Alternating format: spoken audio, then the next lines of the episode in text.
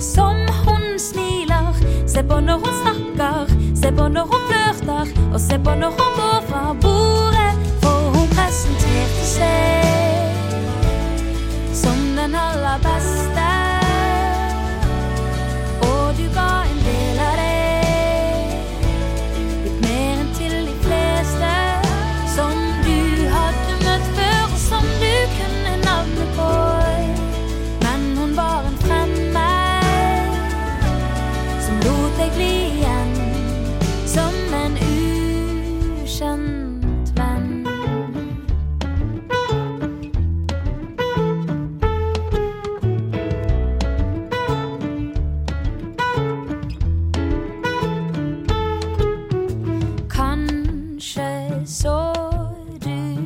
Es la cantante noruega Marte Wang. Y es que nos vamos a la isla de Svalbard a volar en globo. Hasta allí nos lleva un experto piloto de aerostación como es Ángel Aguirre. Ángel Aguirre, que es de Barcelona, fundó en el año 1988 con Tiki, una empresa dedicada al vuelo en globo. Ha realizado expediciones a Laponia, al Báltico, al Ártico, a la Amazonía, al Sáhara, ha cruzado los Dolomitas, también ha volado sobre Groenlandia, fue campeón de España de aerostación varios años, ganador del America Challenge 2014 y nos va a hablar cómo ha vuelto de nuevo a Svalbard, porque en cierta ocasión, creo que fue allá por el año 2015, que le hicimos una entrevista en este mismo programa de Levando Anclas, bueno, pues Ángel Aguirre en el año 2015 fue a las Islas Svalbard a captar un eclipse de sol sobre estas islas noruegas que se encuentran en el Círculo Polar Ártico. Y ahora ha vuelto de nuevo, esta vez como, como profesional para llevar clientes sobre esta isla tan al norte de Europa. Le damos la bienvenida a Ángel Aguirre. Muy buenas noches, Ángel. Hola, buenas noches. Ángel, pues sí, que vuelas en, en lugares remotísimos del planeta, algunos como bastante inéditos, ¿no?, para volar en globo. Eh, pues sí, bueno, es uno de nuestros eh, atractivos o retos, o llámale como quieras, aparte del trabajo del día a día de volar por aquí, pues intentar ver otras partes del mundo más, más inhóspitas desde otro punto de vista, el nuestro, en la vista aérea, ¿no? Os atrevéis todo, porque en el 20 aniversario de Globus con Tiki estuviste volando sobre Groenlandia y en el 25 aniversario diste la vuelta al mundo en velero, o bueno, queríais dar la vuelta al mundo en velero llevando un globo, un globo bastante pequeñito, pero bueno, estuvisteis ahí por ahí, para el Pacífico, por ejemplo, haciendo unos vuelos increíbles. Sí, sí, de hecho la vuelta al mundo la dimos con el velero uh, y hicimos vuelos en globo en, algunos sitios donde no se había volado nunca, eh, pero como siempre no tantos como nos hubiera gustado, pero, pero sí, salimos, eso es un, un sueño un poco de, de cualquier viajante o navegante, el salir de un puerto de casa y llegar al mismo puerto por el otro lado de la pelota, ¿no? Svalbard, vamos a irnos a las Svalbard. La primera vez fue allá en el año 2015 cuando fuiste con tu amigo José María Lladó, que es constructor y piloto de globos. Sí, y con, y Miquel, con Miquel me segué también con mi socio en Contiki, los tres hicimos lo del eclipse juntos, sí. Sí, que además volasteis bastante elevados, ¿no?, para ver este eclipse. Sí, sí, sí, hicimos un vuelo a 3.000 metros, vimos y bueno, tuvimos mucha suerte con la meteorología porque, ya te digo, en principio es una isla, es una isla muy al norte, muy ventosa, eh, de mucho frío y, subir tan alto a, esa hora, que eran las 11, 12 de la mañana, pues la verdad es que todo salió redondo y, y pudimos ver cómo anochecía, uh, estando colgados ahí arriba a 3.000 metros durante todo el tiempo que duró el eclipse. ¿Qué sucede con la climatología? Porque de repente se hace de noche, ¿el viento para o qué pasa con un eclipse?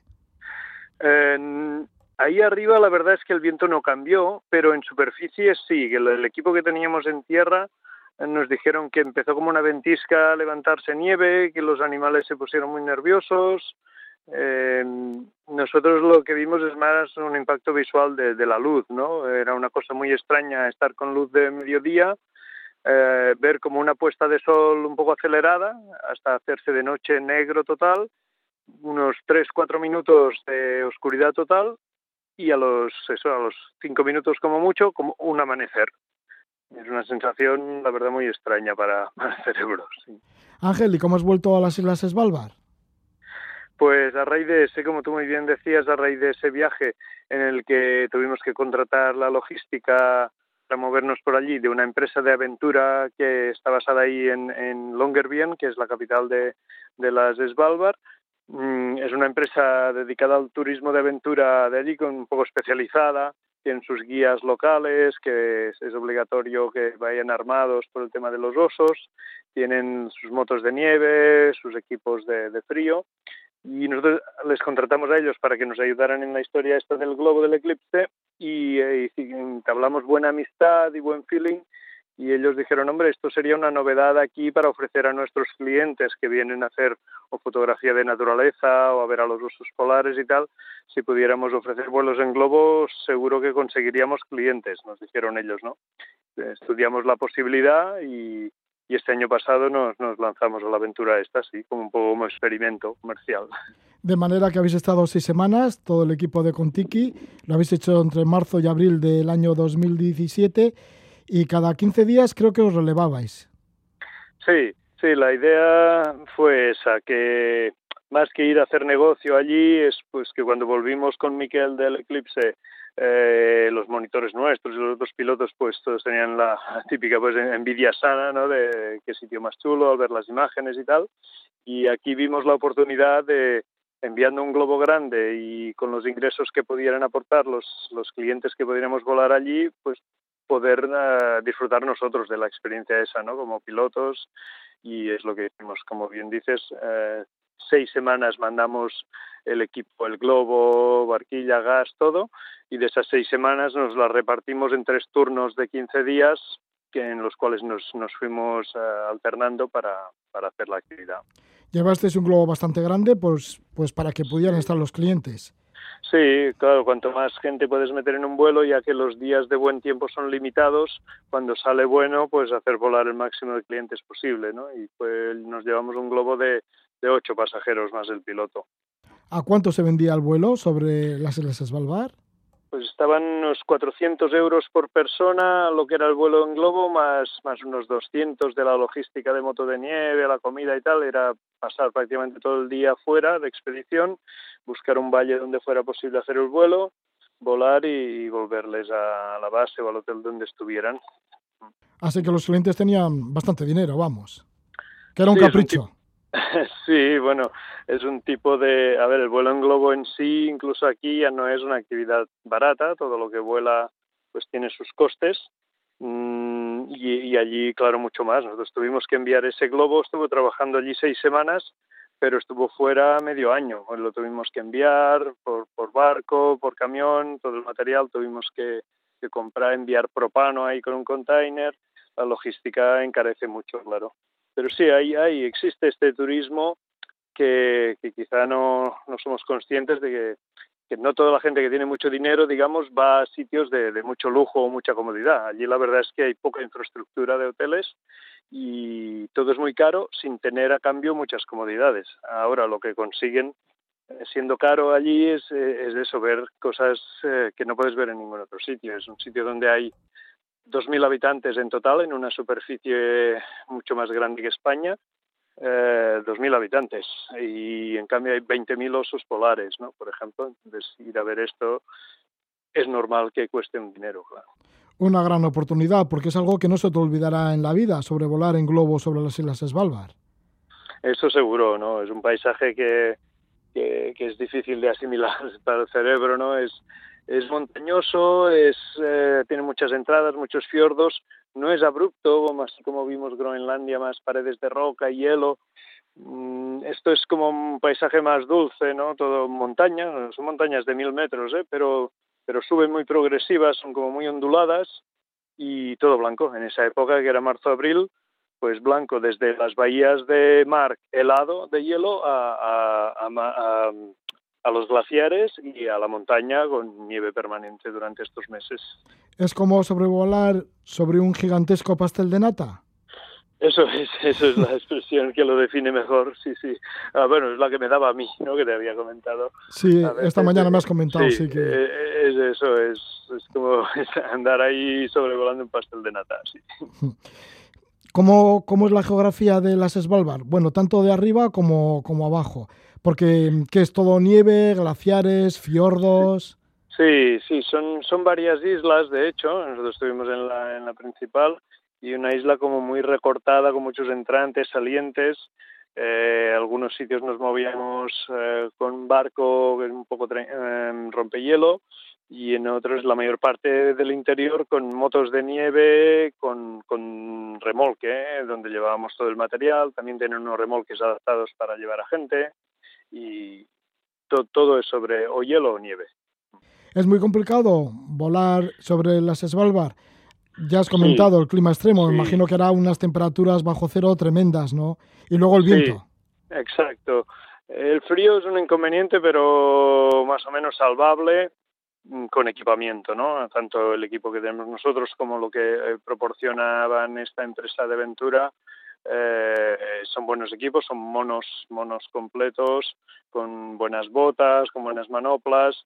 Eh, con eso estábamos 20, 25 bajo cero, soportables. Como no dormíamos al aire libre tampoco, era así que era pasar todo el día y luego el globo sí que hay que adaptarlo un poquito a tanto frío, tenemos que mezclarle nitrógeno con el propano para conseguir más presión.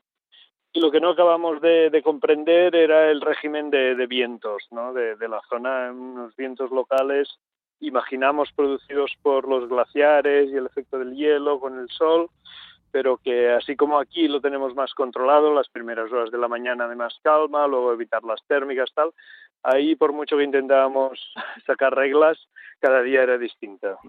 no, Aún ahora nos hemos ido con la sensación de no entender los, los vientos árticos. Porque además variará mucho entre un valle y otro.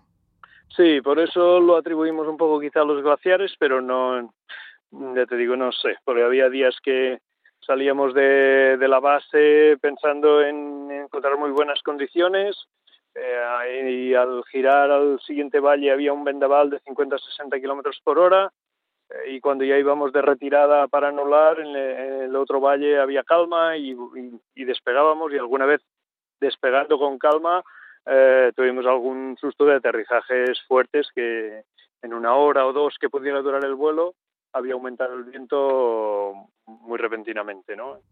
Pero al final todo, todo salió bien, pero difícil, como decías tú, difícil. Las Islas Svalbard en globo, nos lo está contando Ángel Aguirre de la empresa Contiki, Globus Contiki. Y es que siguiendo tus aventuras, las últimas aventuras vividas, has vuelto de nuevo junto con Anulfo González a mm, la prestigiosa Copa Gordon Bennett, competición aeronáutica que consiste en volar la mayor distancia posible en globos de gas de una tirada. Siempre se celebra en donde gana el anterior y esta vez los anteriores que ganaron el año 2017, no, 2016 fue en Suiza. Y esta vez la que nos vas a contar es la que se celebró el 8 de septiembre de 2017, ¿no? Eso es. que fue la edición número 61 ya. Sí, es la competición aeronáutica de todas las modalidades aéreas, la, la, más antigua. Se celebra esto desde el año 1906 y solo interrumpida por los años en que ha habido guerras o cosas así más más conflictivas en que se ha parado, ¿no? Pero si no, pues lleva un montón de ediciones. Sí. Anulfo y tú ya habéis participado en varias, inclusive en la del año 2016 quedasteis los terceros, si no me confundo. Sí, correcto, en 16 terceros y este esta, de este año pasado también volvimos a repetir podium, estamos muy contentos. ¿Cómo resulta esta competición? Porque es eh, echarte a volar y a ver a dónde llegas más lejos. ¿Cómo te orientas además para llegar más lejos? Porque un globo es fácil de orientar. Eh, bueno, que tienes que seguir los vientos y las corrientes exacto, y demás. Es imposible de girar derecha a izquierda, pero sí que podemos subir y bajar. Y hoy en día que hay previsiones eh, meteorológicas mm, muy buenas por internet y hay modelos eh, que te pueden dar a varios días hacia adelante las previsiones de vientos a diferentes alturas bastante precisamente, pues ahí entra un poco la táctica, el equipo de meteorología que nos ayuda desde tierra, la, un poco el, espíritu de esta competición es un poco el espíritu Julio Verne, digamos, el de sin muchas reglas y tirar millas y cuenta en línea recta de punto de salida a punto de llegada quien sume más kilómetros, así de simple, sin, sin dianas, sin límites de tiempo, sin límites de carga, con un reglamento abierto uh, y a ver quién vuela más lejos. ¿De qué tienes que ser experto? Digo, ¿eh? para volar más lejos. ¿Cómo ganar a tus competidores? Más que experto, muy apasionado. A ver, para mí personalmente, y eso cada participante de esta competición es muy personal. Para mí, más que ganar o hacer un tercero, que evidentemente me gustó, eh, es, es hacer un vuelo muy largo, ¿no? Y es hacer una, una aventura real. A ver, no hay ningún avión moderno que pueda volar tantas horas como nosotros con este, con este globo que va con sacos de arena, ¿no? Como los de, como los de hace dos siglos. O sea, que esto, solo eso para mí es un gran atractivo que ahí participan 20 pilotos, 20 equipos de diferentes países, están los americanos, los rusos, los suizos, tal, y ahí eh, conseguir volar más lejos que toda esta gente en un, en un aparato tan simple, eh, no, te puedo decir que somos ni mejores meteorólogos, ni mejores pilotos, eh, ni nada, ¿no? Es, es una aventura en mayúsculas, yo creo eso. Estamos dos días y dos noches en este caso de este año, pero hemos llegado a estar tres días y tres noches en el aire, eh, colgados ahí en la barquilla esta, que es silencio total, sin ningún motor, sin, ni siquiera con el quemador de, aire caliente que usamos normalmente, porque estos son globos de gas con los sacos de arena, ¿no? que es silencio total. Y cruzarte toda Europa de punta a punta eh, con esto, pues para nosotros es, es lo máximo. ¿Cómo pasas esas tres noches y tres días subido en un globo, con ese silencio total y viendo Europa por debajo? Bueno, por arriba, vamos, es un viaje, es un viaje muy, muy interior, ¿no? De uno mismo, aunque es obligatorio dos pilotos, evidentemente tenemos que descansar, es un poco como hacer las guardias en un velero, descansamos dos, tres horas cada uno, nos vamos turnando, pero como es tan largo, muchas horas está solo, ¿no? Porque el otro está descansando, durmiendo, mm, y cuando están los dos, pues ya hay faena para los dos, pero es, es, estar fuera del mundo un rato, unos días, desconectando totalmente, ¿no? A veces nos hacen coñas de estos años que llevamos compitiendo. Anulfo, como sabes, es de Madrid, yo soy catalán y la barquilla es de un metro por un metro y nos hacen las bromas típicas, ¿no? De cómo pueden convivir en un metro cuadrado un madrileño y un catalán ahí arriba tanto tiempo. La verdad es que todos estos problemas que aquí en tierra parecen tan trascendentales, mmm, volando a 5.000 metros en silencio total día y noche, pues se ve todo mucho más fácil, ¿no? Todo se relativiza mucho. La verdad es que no, aunque tengamos opiniones bien distintas, no, mm, no hablamos, no, ni surge el tema, ¿no? Es, es tan profundo lo demás y pasa por encima que, eh, que, todo lo demás queda abajo, digamos. ¿Ayuda esto de estar tan cerca del cielo? Yo soy ateo, pero la no, verdad bueno, es te quiero decir que vamos, que, no sé, que, que, que, igual se airean un poco los problemas y todo. Bueno, con lo que estás contando, sí. Eso seguro, sí, sí. Pensaba lo decías por si veíamos a Dios más cerca o eso. Bueno, igual es una elevación también espiritual. Sí. sí, eso, por eso te digo que es muy personal. Cada uno, sí, yo sin creer en Dios sí que estoy mejor en el cielo que en tierra. Eso sí que te lo digo. bueno, por eso eres un gran piloto de aerostación, ¿no? Entre otras cuestiones, sí. Bueno. Y, sí, y bueno, y, y, cómo se ve Europa? Porque en este caso habéis ido, habéis salido desde Suiza y habéis llegado, habéis quedado los terceros y vuestra situación ha sido caer en, en Polonia, en la frontera con Lituania. Sí, exacto, muy al norte de Polonia y por autonomía, por cansancio, por todo, hubiéramos podido continuar un día y una noche más, pero ahí vuelven a intervenir los, los problemas terrenales, digamos, y políticos, de que el espacio aéreo de Bielorrusia y de Rusia están cerrados a actividades deportivas, que solo había un corredor muy estrechito por donde se podía pasar volando hacia Lituania y nosotros no, bueno, de los 20 participantes solo lo consiguió pasar por ahí los franceses, que son los que ganaron, y los demás nos obligaron a tomar tierra por, eh, por entrar en ese rumbo que íbamos en espacio aéreo restringido. Sí, eso de estar en espacio aéreo restringido, claro, eh, de alguna manera eso de estar prohibido volar en algún sitio te sitúa en estar un tanto en alarma.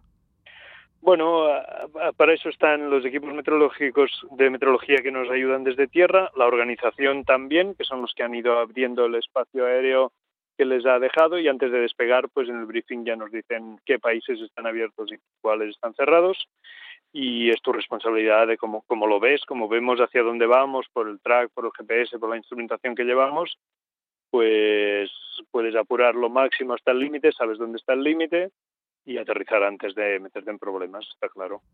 De hecho, en esta competición a lo largo de, ha habido muchas ediciones, claro, las 61 ediciones ha habido muchos accidentes por tormentas, por imprudencias, por lo que sea, pero una concretamente, ya que sale el tema, y no hace tanto, ¿eh? yo creo que ahora como 10 años o así, un equipo, pues lo que tú dices, se, se saltó la regla, sabiendo que estaba prohibido, entró en Bielorrusia, le mandaron un, un caza militar, nos entendieron por la radio y les abatieron les disparó y murieron los dos pilotos del globo, mm, siendo una cosa de lo más inofensivo, de carácter totalmente deportivo y nada militar, pero claro, aquí no estamos acostumbrados y no te puedes meter donde hay están en guerra, donde hay problemas. Ya, ya, y en este caso el corredor este entre Bielorrusia y Kaliningrado, que pertenece a Rusia.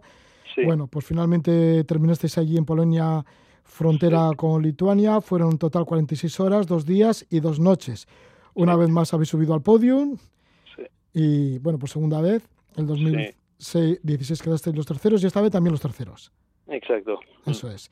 Bueno, y ahora va a cumplir con Globus Kuntiki el 30 aniversario. ¿Qué preparáis? Porque si el 20 aniversario ya hemos dicho que estuvisteis sobrevolando Groenlandia, el 25 aniversario disteis la vuelta al mundo en velero y en globo, ¿ahora qué, qué podéis hacer?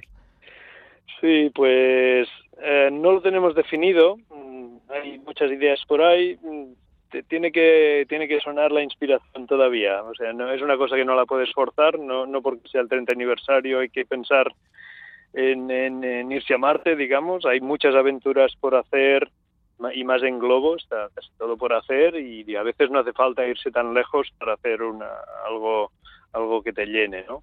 Hay varias ideas por ahí eh, que como nos sigues tú, ya cuando lo tengamos definido el año que viene o a finales de este, ya te la contaremos.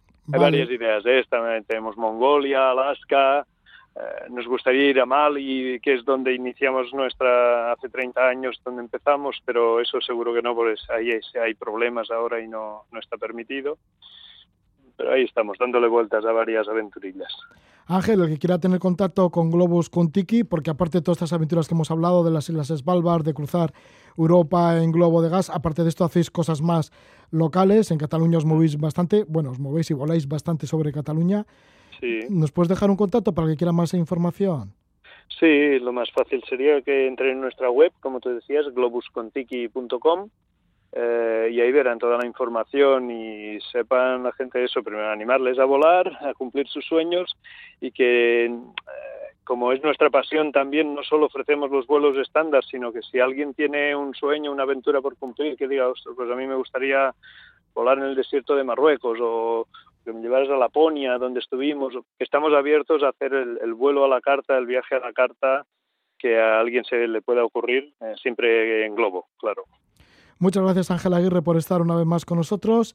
Globus con Tiki. Con Tiki es como, bueno, como la experiencia de Thor Heyerdahl. Las dos con K, con y luego Tiki terminado también. Bueno, K-I, T-I-K-I. Bueno, pues muchísimas gracias Ángel Aguirre por estar con nosotros. Un fuerte abrazo y que sigan los espectáculos que ofrecéis sobrevolando en globo. Gracias a vosotros por el interés y por seguirnos. Agur.